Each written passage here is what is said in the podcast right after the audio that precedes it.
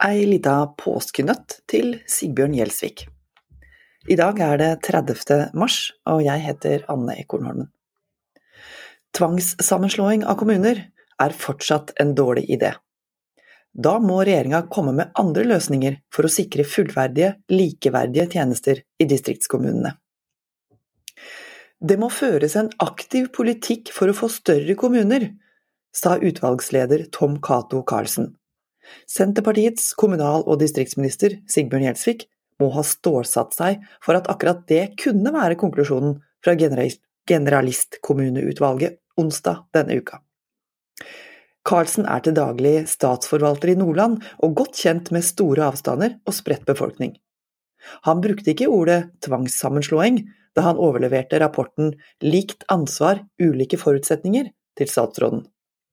Men det hang liksom i lufta, som om Erna Solberg, Høyre, som bestilte utredningen tilbake i 2020, skulle ha sagt det sjøl. Gjelsvik var på hugget.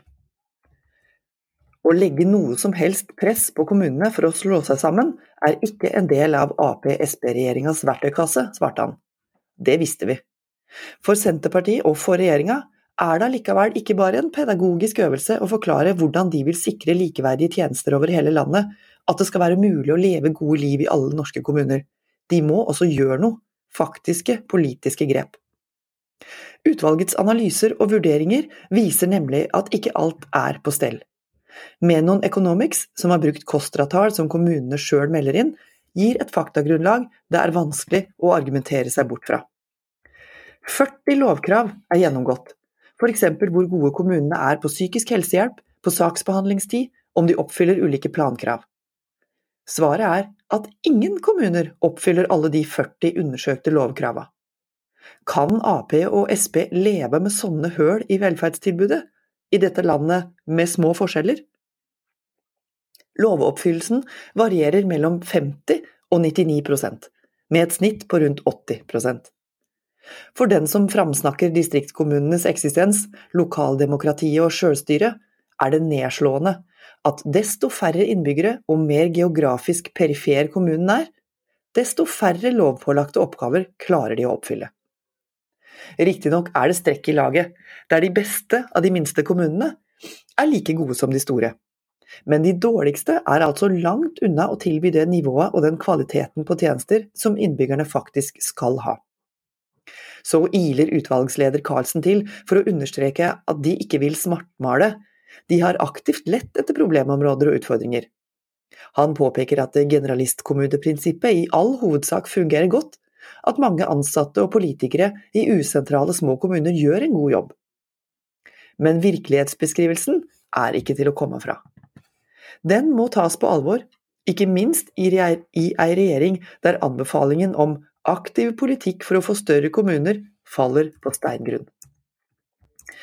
Kommunesammenslåing er ingen mirakelkur eller universalvirkemiddel mot fraflytting, flere eldre, færre i yrkesaktiv alder eller for rekruttering av kompetanse og kvalifisert arbeidskraft. Sammenslåing effektiviserer ikke automatisk planprosesser og utviklingsarbeid.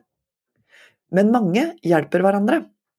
Brann og redning, avfallshåndtering og legevakt løses flere steder gjennom interkommunale samarbeid noe som utvalget mener er både hensiktsmessig og en helt nødvendig del av generalistkommunesystemet.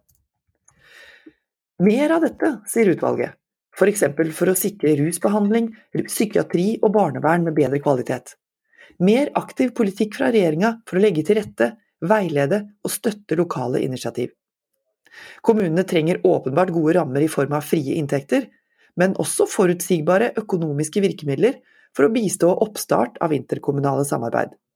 Da kan små fagmiljøer bli større, kompetanse bli delt og rekruttering lettere. Nærhet til tjenester og tilbud er ikke bare et Senterparti-mantra, det er grunnleggende i den demokratiske norske modellen. Det går, det går fort i oppløsning hvis innbyggerne i arealstore perifere kommuner med lavt folketall opplever dårlige tjenester og tilbud fordi kommunen mangler arbeidskraft og arbeidsplasser har små fagmiljøer eller lav kapasitet. Da er veien kort til mer fraflytting, og resultatet blir det motsatte av det Senterpartiet ønsker. Utvalget tar ikke stilling til frivillighet versus tvang, men hinter om lokale initiativ framfor bulldoser. Og de oppfordrer kommunepolitikerne til å spørre seg sjøl er vi organisert på best mulig måte for våre innbyggere? Kommunene skal sjøl stå i sentrum for samfunnsutviklinga, og må sjøl bestemme om de ønsker å slå seg sammen eller inngå i interkommunale samarbeid, sier Gjelsvik. Senterpartistatsråden liker ikke hovedkonklusjonen i utvalgsrapporten, men har nå 300 sider påskelektyre å dukke ned i. Hvordan skal han sikre at flere kommuner oppfyller flere lovpålagte oppgaver, sånn at det faktisk er mulig å leve like gode liv over hele landet? Jeg heter Anne Ekornholmen, og nå har du hørt Nasjonen på øret. Vil du ha flere kommentarer lest opp på denne måten, så finner du dem på nasjonen.no, eller der du hører dine podkast. Ha det!